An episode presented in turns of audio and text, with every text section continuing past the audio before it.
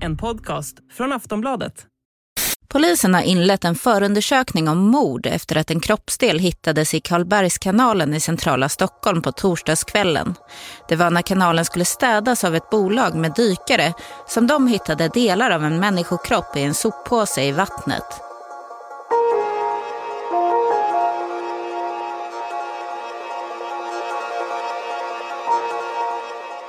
När de första kroppsdelarna hittades fanns det fortfarande ingen uppgift om någon saknad person. Än mindre någon misstänkt förövare. Fyndet var en gåta och polisen fick skriva i sin anmälan Okänd gärningsman misstänks för mord genom att ha berövat en människa livet på okänt sätt. Detta har inträffat vid okänd tid och på okänd plats. Men när en granne sen slog larm om att en man i huset inte varit synlig på flera dagar satte det polisens utredare på rätt spår. Det här är Den misstänkte styckmördaren. Ett avsnitt av podden Aftonbladet Krim. Jag heter Anders Johansson.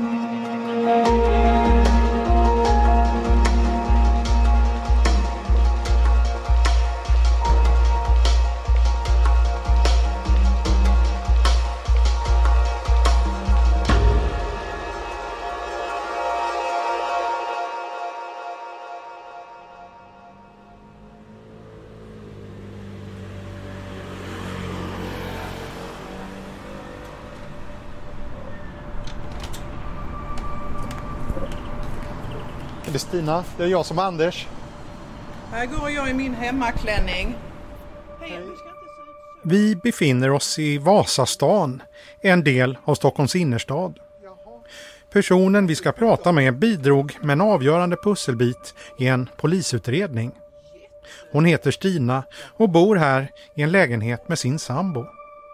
De bjuder på kaffe och hembakade kakor på den ombonade takterrassen. Hon berättar att hon tidigare bodde i Helsingborg och beskriver kvarteren där de nu bor så här. Ja, vi har ju boat in oss och man har vänner och bekanta så att trygga, lugna kvarter. Även om jag har hört från andra att det här har varit väldigt tråkiga kvarter för många, många år sedan. Att det var, det var ingen eh, bra adress, men det har ju ändrats i och med att de byggde den här Hagastaden och allting. Men jag har ju ingenting att relatera till. Jag kommer ju från Skåne som sagt och det hörs ju säkert. Men eh, vi har boat in oss, jag och min sambo och jag känner mig jättetrygg. Jag är verkligen hemma här. Stina berättar att hon tagit på sig rollen som självutnämnd portvakt som håller lite extra koll i huset och på de gemensamma utrymmena. Något som även inbegriper att ordna grillning och städdagar där i stort sett alla i huset brukar vara med. Alla utom en. En man i övre medelåldern som inte brukade prata så mycket med de andra. Som ofta kom hem sent på kvällarna. Många, tror jag, i det här huset har aldrig sett honom. Många tror jag, de flesta har absolut aldrig pratat med honom. Och eh, nej, jag är nog en av de få, det finns säkert två, tre andra till, men jag är nog en av de få som verkligen har kunnat stå och prata med honom om lite vardagliga ting och att han ville prata och kunde prata. Men han var som sagt eh, tystlåten, en liten smygare. På fråga hur hon vill beskriva honom säger hon. Lugn, sansad, trevlig, rar, blyg, tillbakadragen. Stina berättar vidare att mannen hade några fasta vanor. Bland annat var hon mycket noga med hur det skulle se ut i tvättstugan. Jag är väldigt eh, noggrann. Jag vill att det ska vara rent i tvättstugan. Man ska torka av maskinerna både på utsidan och på insidan. Man ska sopa ut på golvet. Det, det ska vara snyggt. Och där var ju den här mannen exakt likadan som jag så att det, det brukar vi skoja om så att han, han kunde ibland säga så att eh, han brukade titta när jag skulle tvätta så att han tvättade efter mig och, och jag kunde känna detsamma att eh, tvättar man efter honom då vet man att då är det rent i torktumlaren, då är det inte smutsigt på golvet. Det är så tråkigt att man ska behöva börja städa tvättstugan innan man själv börjar tvätta. Så det var en liten rolig grej att jag kunde se att ja, nu ska han tvätta. Ja, då tvättar jag efter så är det rent och snyggt. Så att eh, det var ja, en sån här liten grej som förde oss samman. Förutom i tvättstugan sågs de annars mest vid hissen. Men de pratade vanligen aldrig något längre. Det var mest allmänna, enkla fraser som Hej, fint väder, nu är det helg igen. Men sen vid ett tillfälle, under hösten 2020, började Stina söka kontakt med mannen. Under augusti-september förra året så renoverades det en lägenhet här strax under oss och en helrenovering. Och då behövde vi komma in i den mannens lägenhet för att göra en inspektionslucka i köket för man, man bytte den stammen eller de rörerna. Och eh, då mötte jag den här mannen nere i porten och sa, berättade om detta att vi behöver komma in till dig och göra en inspektionslucka längst in i ditt kök för vi byter röret från killen som bor snett ovanför dig. Ja, det var inga problem. Jag är, jag är hemma, det är bara att knacka på eller skicka ett sms eller ett mail, det är inga problem. Och då eh, gick det väl en dryg vecka. Då knackade jag på, han öppnade inte. Jag knackade på två, tre gånger den dagen. Han öppnade inte. Och då tänkte jag igen att han är säkert hemma men han är ju blyg och han vill inte att någon ska komma in och han kanske inte har fått kläder på sig eller han kanske sover. Han vill ju som sagt vara ytterst diskret. Eller lite hemlighetsfull, jag, jag vet inte. Så jag skickade ett sms. Svarar han inte på. Det brukar han aldrig svara på heller på sms. Men mail brukar han svara på så då skickar jag mail att jag behövde komma i kontakt med honom. Jag skrev också mejlet jag har knackat på. Men du öppnar inte och då svarar han inte på det mejlet. Då skickade jag mejl dagen efter igen och dagen därpå och dagen därpå. Skickade något mer sms, gick ner och knackade på. Så under en dryg vecka så var jag väldigt intensiv med att skicka mejl och knacka på och knacka på och knacka på. Men han var som bortblåst. Stina fortsatte söka kontakt med återkommande sms och mejl. Hon la även ner skrivna lappar på färggrant papper med uppmaningen att han skulle höra av sig. Men fortsatt utan resultat. Hon meddelade värden som tyckte att de skulle ligga lite lågt eftersom han kanske bara var bortrest. Men Stina började ana oråd och tittade in genom brevinkastet. Och där låg massor av post. Även de färggranna lapparna hon själv lagt dit. Stina började då fundera lite på att kontakta brandkåren. Om det kanske skulle gå att titta in genom hans fönster från en brandstege. Hon gick ner på gatan och tittade upp mot hans fönster. Men såg något som förstärkte oron att något hade hänt. Persiennerna var neddragna. Något som de aldrig brukade vara. Ringde jag till vår värd och så berättade jag detta och hon sa ja du, ja, du fixar du Stina. Nej men vi ligger lågt tyckte hon. Och det betyder ju ingenting utan hon tyckte att jag hade ju jagat så mycket så de här killarna som skulle göra inspektionsluckan de fick åka någon annanstans i fastighetsbeståndet och göra någonting annat så fick vi vänta ytterligare några dagar. Men det gick nästan tio dagar. Och eh, de som var hit här, rörmokare som skulle göra den här luckan, de vill ju ha klart det här jobbet för annars kunde vi inte göra klart den andra lägenheten. Då kontaktade jag värden igen och så sa jag, nej nu ringer jag polisen, alltså det är något helskumt det här. Ja, jo men det är kanske lika bra. Och då ringer jag till polisen och då är klockan, eh, ja runt två tiden på dagen är hon, när jag ringer upp 114 14. Stina förklarade bakgrunden att de sökt honom i tio dagar utan resultat. Att hon började misstänka att han kanske blivit sjuk, kanske rent av låg i lägenheten. Och de lyssnade och ställde lite frågor och så sa de att eh, nej men vi återkommer till dig. Dagen därpå stod en svart skåpbil parkerad på trottoaren. På mannens dörr stod ett anslag som förklarade att lägenheten var avspärrad. Men vad hade hänt? Poliserna på plats vill inte lämna något besked. När hon ytterligare någon dag senare blev uppringd av polisen passade hon på att fråga. Och då frågade faktiskt jag var han i lägenheten? Nej, sa de då. Eh, lever han? Ja, det kunde de inte svara på. Har det hänt någonting? Ja, det är det vi håller på att undersöka nu. Det gick ytterligare några dagar och Stina berättar hur hon började koppla ihop mysteriet med den försvunne grannen med ett makabert fynd som hon sett om på nyheterna. Stina hade sedan ett nytt samtal med polisen och ställde frågan. Det var väl inte hans huvud de hittade i Karlbergskanalen?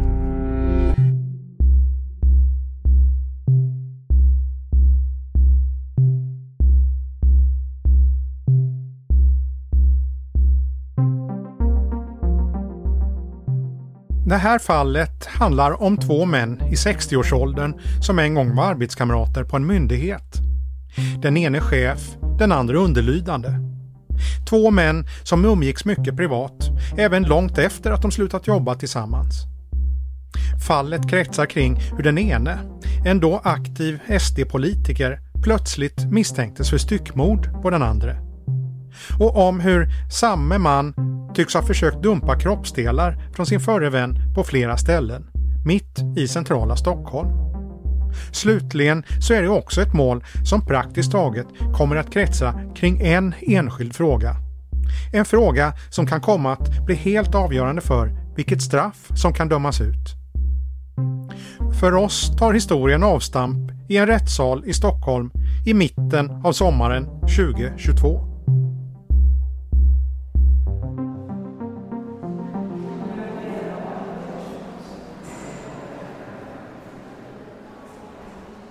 Vi är i Stockholms tingsrätt. Det är en onsdag den 22 juni. Även om semestertiderna närmar sig är det en del folk här. Några sista mål ska avhandlas innan tingsrätten tar sommarstängt. Vi ska upp till sal 37, den gamla säkerhetssalen i rådhuset.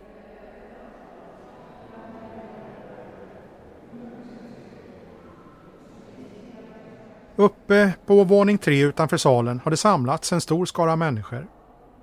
Målet som snart ska ropas på har dragit till sig stort intresse. Vakterna går runt och prickar av oss som bokat plats så att alla som är här i tjänsten ska kunna sitta med på åhörarbänken innanför säkerhetsglaset. De flesta åhörarna får annars sitta på platserna bakom glaset. Vid nio plingar det till i högtalaren.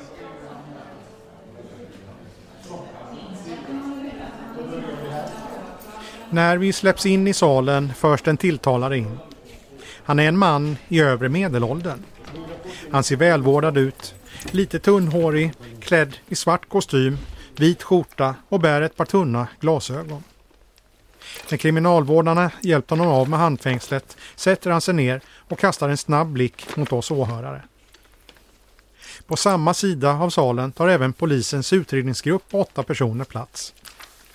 Efter att alla satt sig och det blivit helt tyst tar domare Måns Wigén ordet. Så ska jag säga, det ser ut som att ni har kommit i ordning. Måns Wigén heter jag, rättens ordförande. Eh, eftersom det är några stycken här tänkte bara några ordningsfrågor. Mobiltelefoner ska vara satta på ljudlöst eller avstängda. Ingen fotografering. Efter lite ordningsregler lämnar domaren över till åklagare Marina Shirakova som går igenom det här fallet åtalspunkt för åtalspunkt. Ja tack. Det yrkas ansvar enligt följande och då kommer jag ta upp samtliga punkter på en gång. Mord. Har berövat livet genom att skjuta den i huvudet. Till detta yrkande så finns det ett eh, yrkande i andra hand. Vållande till annans död, grovt brott. Har av oaktsamhet orsakat död någon gång mellan den 30 augusti 2021 och 16 september 2021. Oaktsamheten bestod i att han riktat en pistol mot varvid ett skott avlossades och orsakade skada i huvudet. Avled till följd av skadan. Brottet är grovt eftersom gärningen innefattat, äh, innefattat ett medvetet risktagande av allvarligt slag. Nästa punkt, brott mot griftefrid har obehörigen skadat och skymfligen behandlat hans lik. Han har därefter förvarat hans kroppsdelar samt vid flera tillfällen flyttat, transporterat kroppsdelarna och slängt dessa på olika platser. Det hände någon gång mellan den 30 augusti 2021 och den 28 oktober 2021 i Nyköping och på flera platser i centrala Stockholm, Stockholm stad.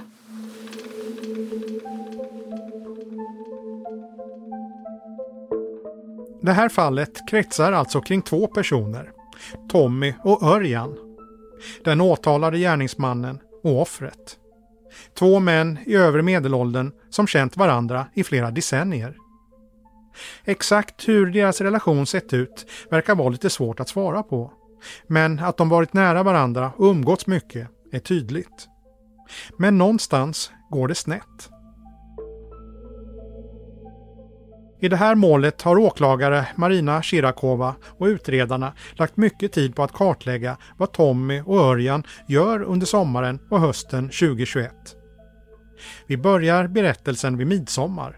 En dag som fallets huvudpersoner verkar tillbringa tillsammans. Och att det har förekommit konflikt mellan de två under midsommar. Ja, under midsommar verkar Örjan och Tommy bråka om någonting.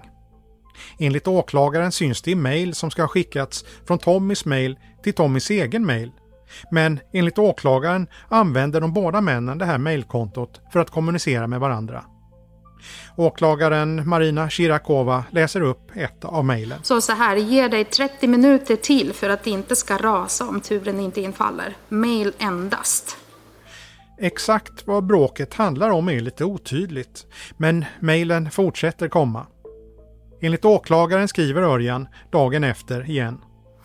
Ringer dig klockan 12, efter det ger jag upp. Ska jag behöva eh, ringa och mejla runt till andra och skämma ut dig? Använda din partiadress med mera.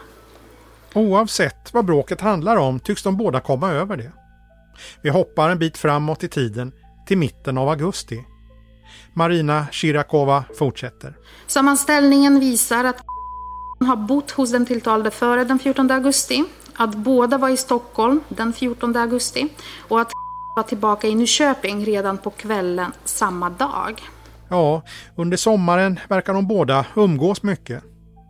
De befinner sig ofta hos Tommy i Nyköping, men även hos Örjan i Stockholm. Under veckorna som följer verkar de två umgås förhållandevis mycket. Det verkar också som att Örjan bor ofta hemma hos Tommy.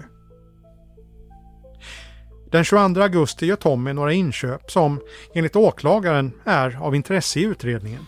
Och då kan man se att han köper ett stygg byggsäck XXL 410 liter 10 pack och sopsäck bas XL 240 eh, liter 10 pack. Vi ska återkomma till de här sopsäckarna senare i avsnittet. Under de följande dagarna verkar Tommy och Örjan umgås ofta. Den 28 augusti är påstående från vår sida är att målsägande eh, har varit i lägenhet igen. Två dagar senare ses de tillsammans igen. Och då kommer vi då till den 30 augusti 2021 och det är den dagen målsäganden syntes sist då i livet i övervakningskameror. Den här dagen åker de båda till ett köpcentrum.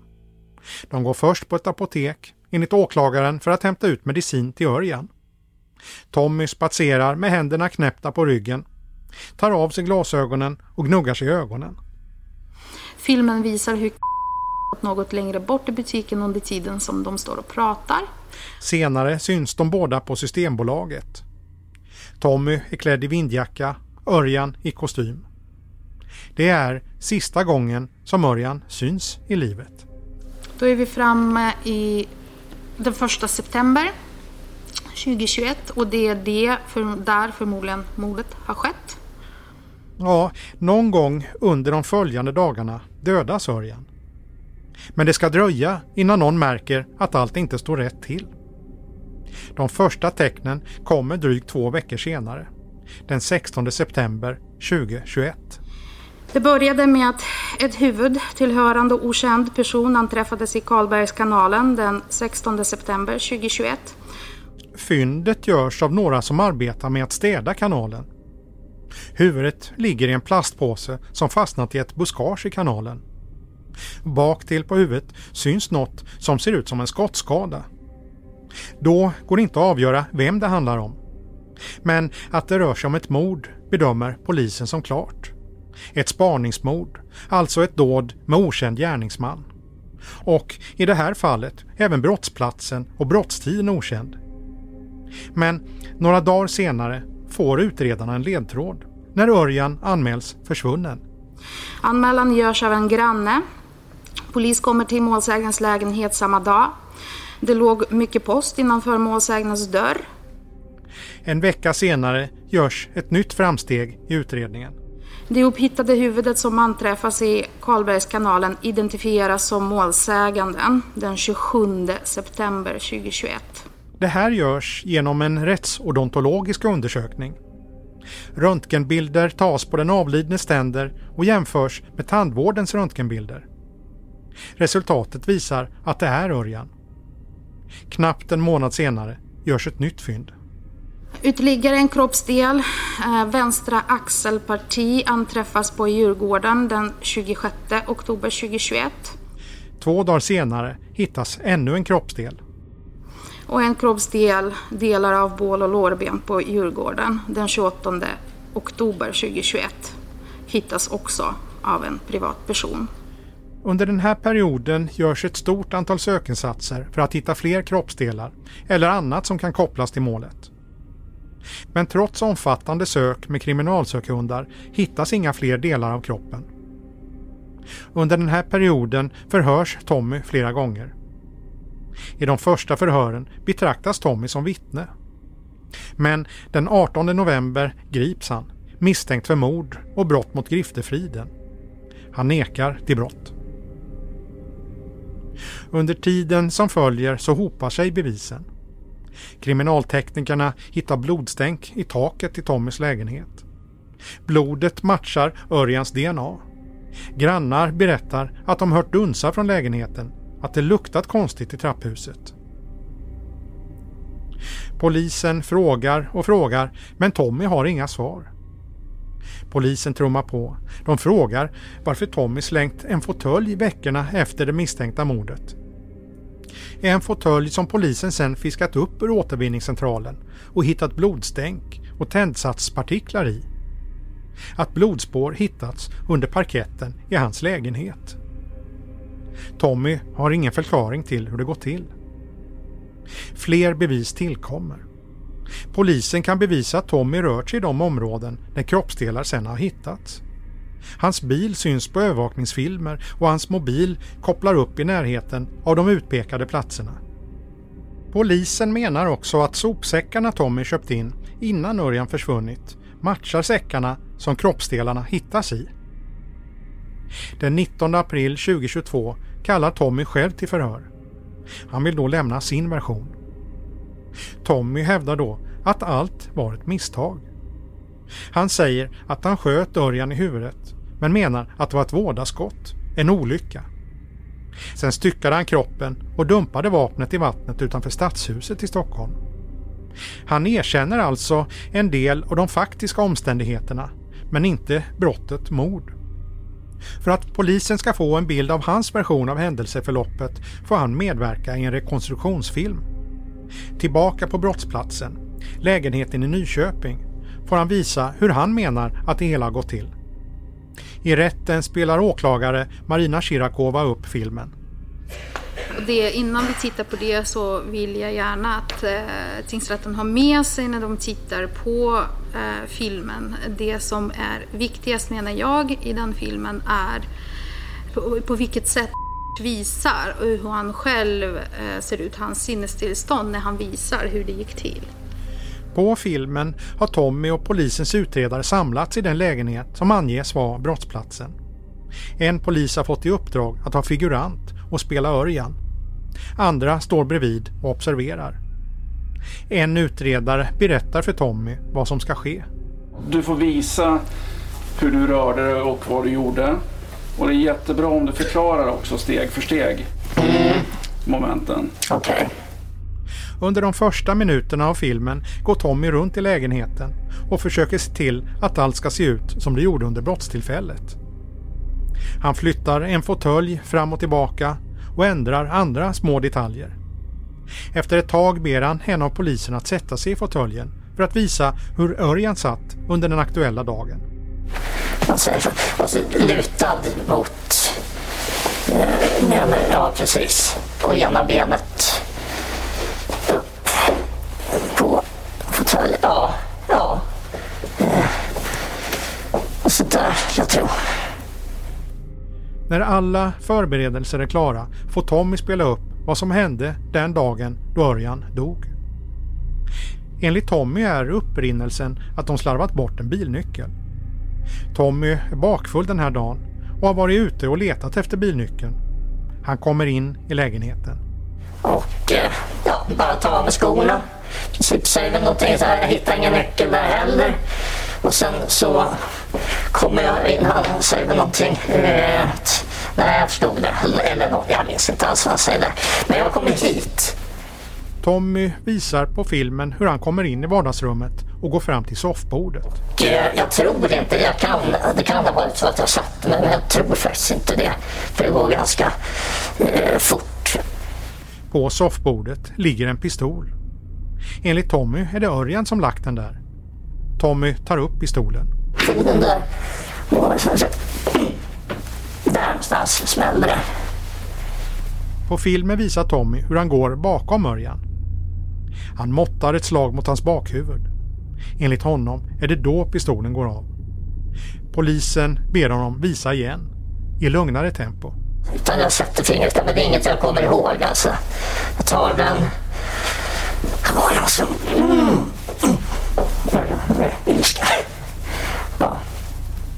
Tommy visar samma rörelse igen. Hur han tar upp pistolen, går bakom Örjan där han sitter i fåtöljen och riktar ett slag mot hans bakhuvud. Han menar att han slår i luften med pistolmynningen riktad rakt mot Örjans huvud på någon decimeters avstånd. För att få det helt tydligt ber poliserna Tommy att spela upp scenen en tredje gång. Ja, jag skulle egentligen skulle jag liksom ha slagit handen i väggen eller någonting annat. Men det är liksom för... Jag måttar ett slag på det här viset mot hans huvud utan att nudda. Det var liksom inte meningen heller. Bara förbannat också ungefär. Jävla människa. Jag hittade den här. Det var liksom det som gick i huvudet. Förbannat också. Jävla människa. Tommys egna ord om sina tankar vid händelsen. Kort senare är rekonstruktionen över. Bryt. Knäckfrågan i det här målet handlar om precis det här. Om huruvida Tommy haft uppsåt att mörda Örjan eller om det bara blivit så av misstag. Det är det åklagaren måste bevisa om Tommy ska fällas för mord. En bärande del av bevisningen handlar om vapnet. Pistolen har Tommy haft olagligt hemma. Det var en gång hans pappas. Den hade Tommy gömt i nattduksbordet och han hävdar att Örjan hittat den. Det var därför han blev så arg när den låg på soffbordet. Det var också därför han måttade ett slag mot Örjan, hävdar han. Åklagaren menar att det inte är rimligt att vapnet bara skulle gå av för att man måttar ett slag. För att bevisa det här har flera tester gjorts på vapnet för att se om det går av lätt. Åklagare Marina Shirakova förklarar. Pistolen spändes upp och osäkrades varefter den utsattes för upprepade lätta slag utan den släppte upp haket, det vill säga avfyrades. Efter detta uh, försök släpptes den i golvet från cirka en meters höjd fem gånger utan att upphaket släppte.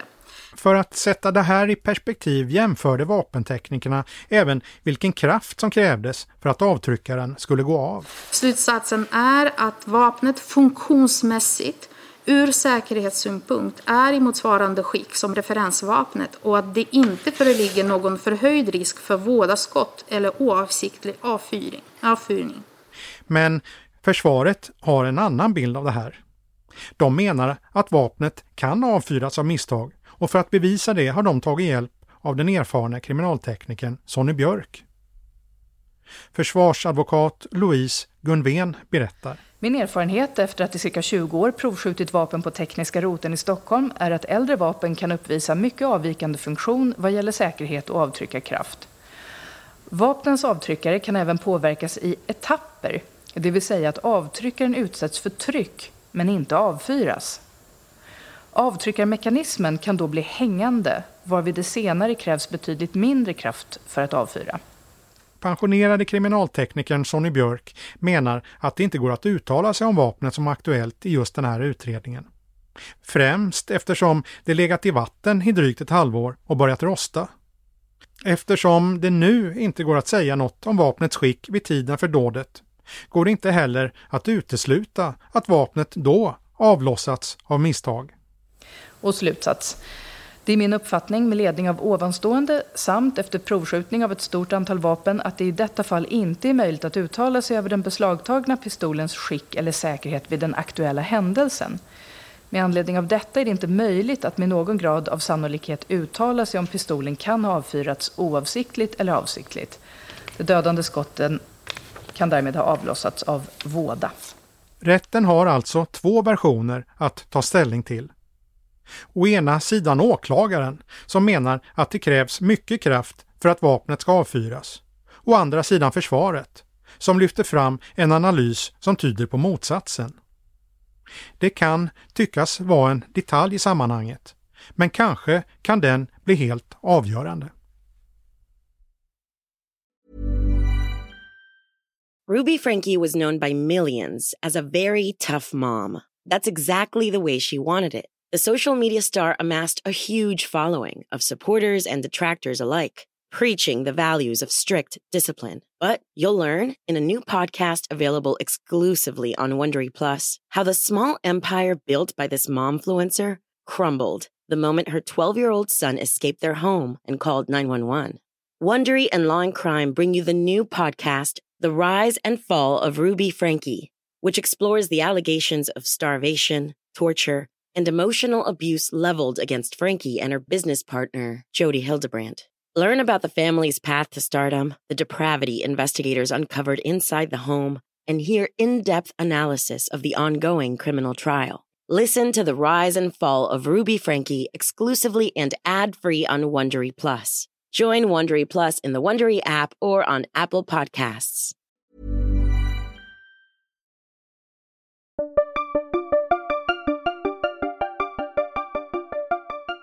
Under tiden som vi arbetar med det här avsnittet avslutas rättegången. Vid slutpläderingen sammanfattar parterna vad de menar har visats och hur de tycker att det ska värderas. Åklagaren vill se lagens strängaste straff. Straffet bör ligga på livstidsfängelse bara på bedömningen av mordet. Utöver det vill jag tillägga att det finns ytterligare brott som han är åtalad för som är grova. Eh, och eh, det bör, om tingsrätten kommer fram att straffvärdet avseende mordet inte går upp till livstidsfängelse så menar jag att de övriga brott gör att man ska göra den bedömningen. Försvaret menar å sin sida att Tommy ska sättas på fri fot. Sammantaget kan man säga att även om det absolut teoretiskt, vad ska man säga, rent litterärt skulle kunna vara så som åklagaren påstår i sitt förstahandsyrkande så är det inte styrkt. Utan det är snarare så att omständigheterna eh, och det som är visat i målet ger ett ganska starkt stöd för det som berättar. Och då ska tingsrätten inte döma för mord, inte heller med ett likgiltighetsuppsåt, eh, utan landa i vållande. Kortfattat menar advokat Louise Gunven att Tommy inte haft någon avsikt att döda sin vän, utan att allt är en olyckshändelse. Efter att hon avslutat sin plädering ska rätten överlägga för att bestämma om mannen ska vara kvar i häkte i väntan på dom. Efter en halvtimme kommer beskedet att han ska vara kvar. Kort senare är förhandlingen över. Det var allt. Tack ska ni ha. Då har vi kommande dagar helt enkelt.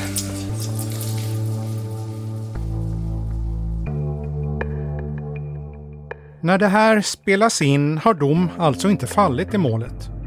Det återstår två veckor innan rätten ska meddela hur de ser på saken.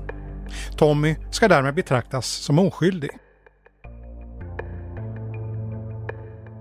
Grannen Stina som anmälde Örjan saknad och som vi hörde i början av avsnittet bidrog till att polisen hamnade på rätt spår i utredningen. Hon har funderat mycket på vad som kan ha lett fram till dådet. Hon berättar att hon först hade känslan av att det kanske var en tredje person inblandad. Kanske delvis för att hon även träffat den åtalade Tommy ett antal gånger. Men har svårt att föreställa sig honom som en styckmördare. Samtidigt påpekar hon att det är svårt att skapa sig en riktig bild av någon som man bara träffar lite då och då som hastigast. Det har nu gått åtta månader sedan Stina och de andra i huset i Vasastan fick den hemska nyheten om sin granne.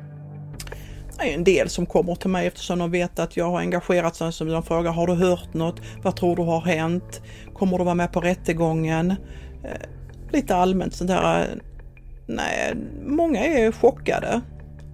Nej, de är chockade kanske ett stort ord, men många är väldigt förvånade att det kunde hända just här. För det är ju just här vi bor och lever. Så då blev det lite mer påtagligt. Men som med allt annat, nu pratar vi om något annat. Nu är detta ju gamla nyheter va. Och det är som med kriget i Ukraina, det pratar vi inte heller om längre för att eh, nu går ju livet vidare och så händer det nya tråkiga saker tyvärr. Stina har också funderat på det makabra med styckningen. Vad är det för människor som begår den typen av brott? Vanliga människor, tror jag absolut. Än en gång säger jag det, man har ingen aning om vad som händer innanför dörrarna och hur människor egentligen är. Man känner ju ibland knappt inte sig själv. Så att, eh, nej en sån här sak, det förstår jag ju att då måste man ju vara iskall. Eller kanske inte iskall. Man kanske får fullkomlig panik och gör en handling som man aldrig skulle vara kapabel till i normala fall för att röja undan allt ifrån bevis och gömma och eh, röja det ur. Ja, jag vet inte hur man tänker. Det, det måste uppstå någon inre styrka.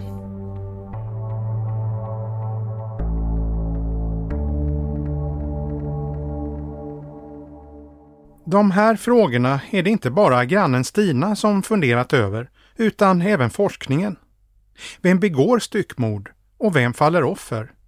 Och vilka är motiven? Rättsläkaren och forskaren Denise Guggenheimer vet mycket om det här. Hon har studerat samtliga kända styckmord mellan åren 1991 och 2017.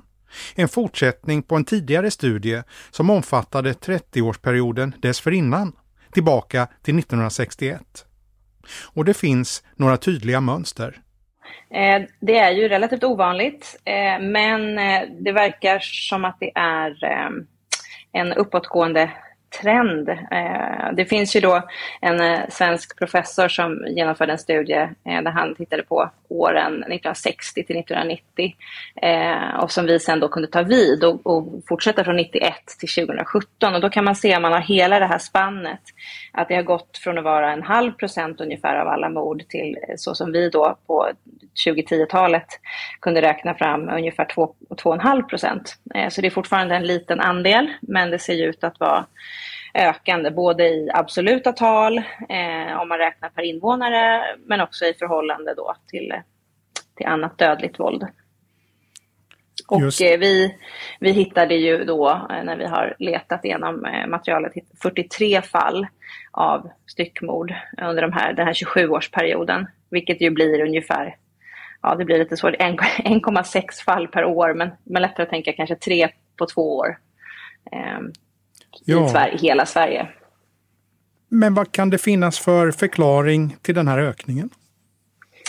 Ja du, det är ju den springande punkten. Men eh, en, eh, en förklaring som man även diskuterade internationellt där man också har, nu finns det inte jättemycket studier på på just ämnet eh, internationellt heller, men, men det som finns så har man teorier om att eh, ökande befolkningsmängd, det vill säga att man blir mer tät, eh, bebyggt, det är mer tätt bebyggt helt enkelt, eh, skulle kunna vara en förklaring till att det ökar. Eh, jag menar om det, man bor otroligt glest så, så kanske man inte behöver eh, stycka en kropp för att kunna göra sig av med den.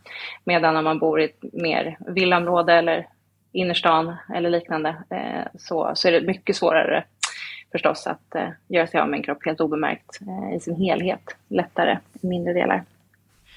Den vanligaste formen av styckning är den som forskarna kallar defensiv styckning. Där det alltså handlar om att underlätta en transport. Den gruppen utgör ungefär 70 av fallen, säger Denise Guggenheimer. Det finns också några mönster som är vanligare när det gäller kopplingen mellan offer och gärningsman. Det vanligaste är att man har någon form av relation till varandra, att man är bekanta på något sätt. Eh, och i, efter det så kommer en kärleksrelation, antingen pågående eller en tidigare kärleksrelation. Så att det är liksom inte, eh, man har någon, de offer och gärningspersoner har haft någon form av eh, ja, relation eller en kännskap. Eh, helt enkelt. Men annars så, så är det inte, inte hittat något tydligt drag som man skulle kunna se som bara finns då hos, hos styckmördare till exempel. Utan ja, 60 procent av alla som, har, eh, som är, av gärningspersonerna har varit dömda tidigare för ett brott eh, och varav 40 procent ändå då för ett våldsbrott. Ehm, men, eh, men annars så är de ehm, inte inom citationstecken sjukare då i lagens mening än, än i övrigt. Ehm, som man kanske kunde tänka sig. Av de 43 offren var 23 män och 19 kvinnor. Av de uppklarade fallen var förövarna kvinnor i två fall. Medelåldern på förövarna var 35 år. Den yngsta var 18 och den äldsta 83 år vid tiden för brottet. Men i nästan var tredje fall vet ingen säkert vem som var förövare. 12 av de 43 styckmorden är nämligen fortfarande ouppklarade. Eh, en del av det är ju att, att det kan vara svårare att fastställa dödsorsak helt enkelt på eh, styck, eh, styckade kroppar eller styckade offer. Eh, för att de är mer ankomna, eh, de hittas senare så att säga. Eh, det kanske saknas viktiga kroppsdelar som gör att man inte kan fastställa en dödsorsak. Eller att själva styckningen i sig försvårar under våran då, rättsmedicinska undersökning så pass att vi inte kan fastställa någon dödsorsak. Eh, och då är det klart att om man inte ens kan Eh, påvisa att det är Hannas handaverkan eller att det är ett, eh, rör sig om vad det är för typ av dödsorsak ehm, så blir det ju svårare att, att döma någon.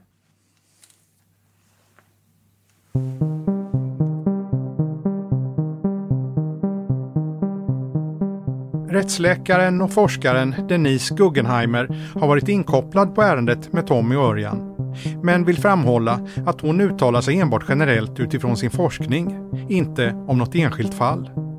Och det kan vara värt att påpeka igen att den åtalade Tommy inte är dömd som skyldig.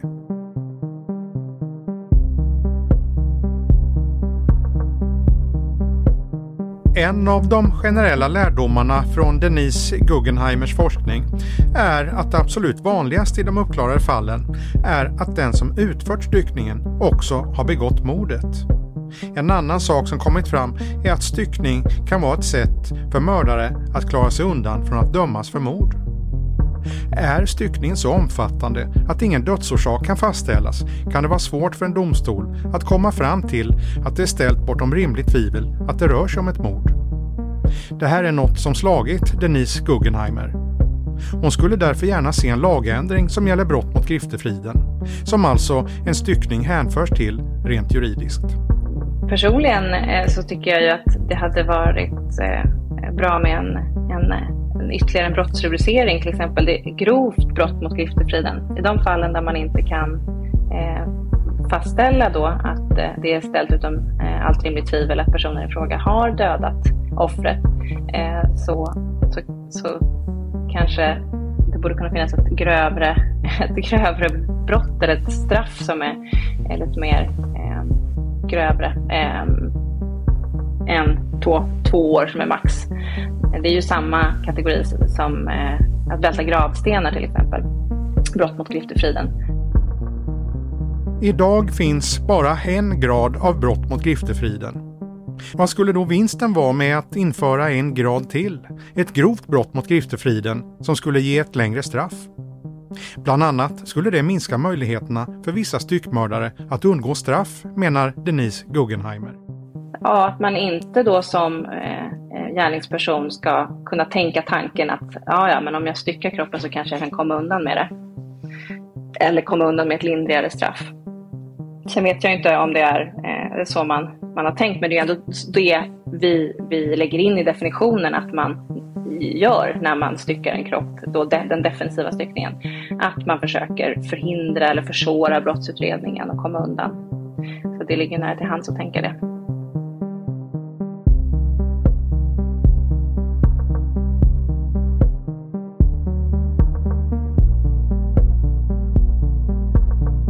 Du har lyssnat på ett avsnitt av podden Aftonbladet Krim. Tommy och Örjan heter egentligen något annat. Klippen kommer från Sveriges Radio. Producent var Marcus Ulfsand. Jag heter Anders Johansson.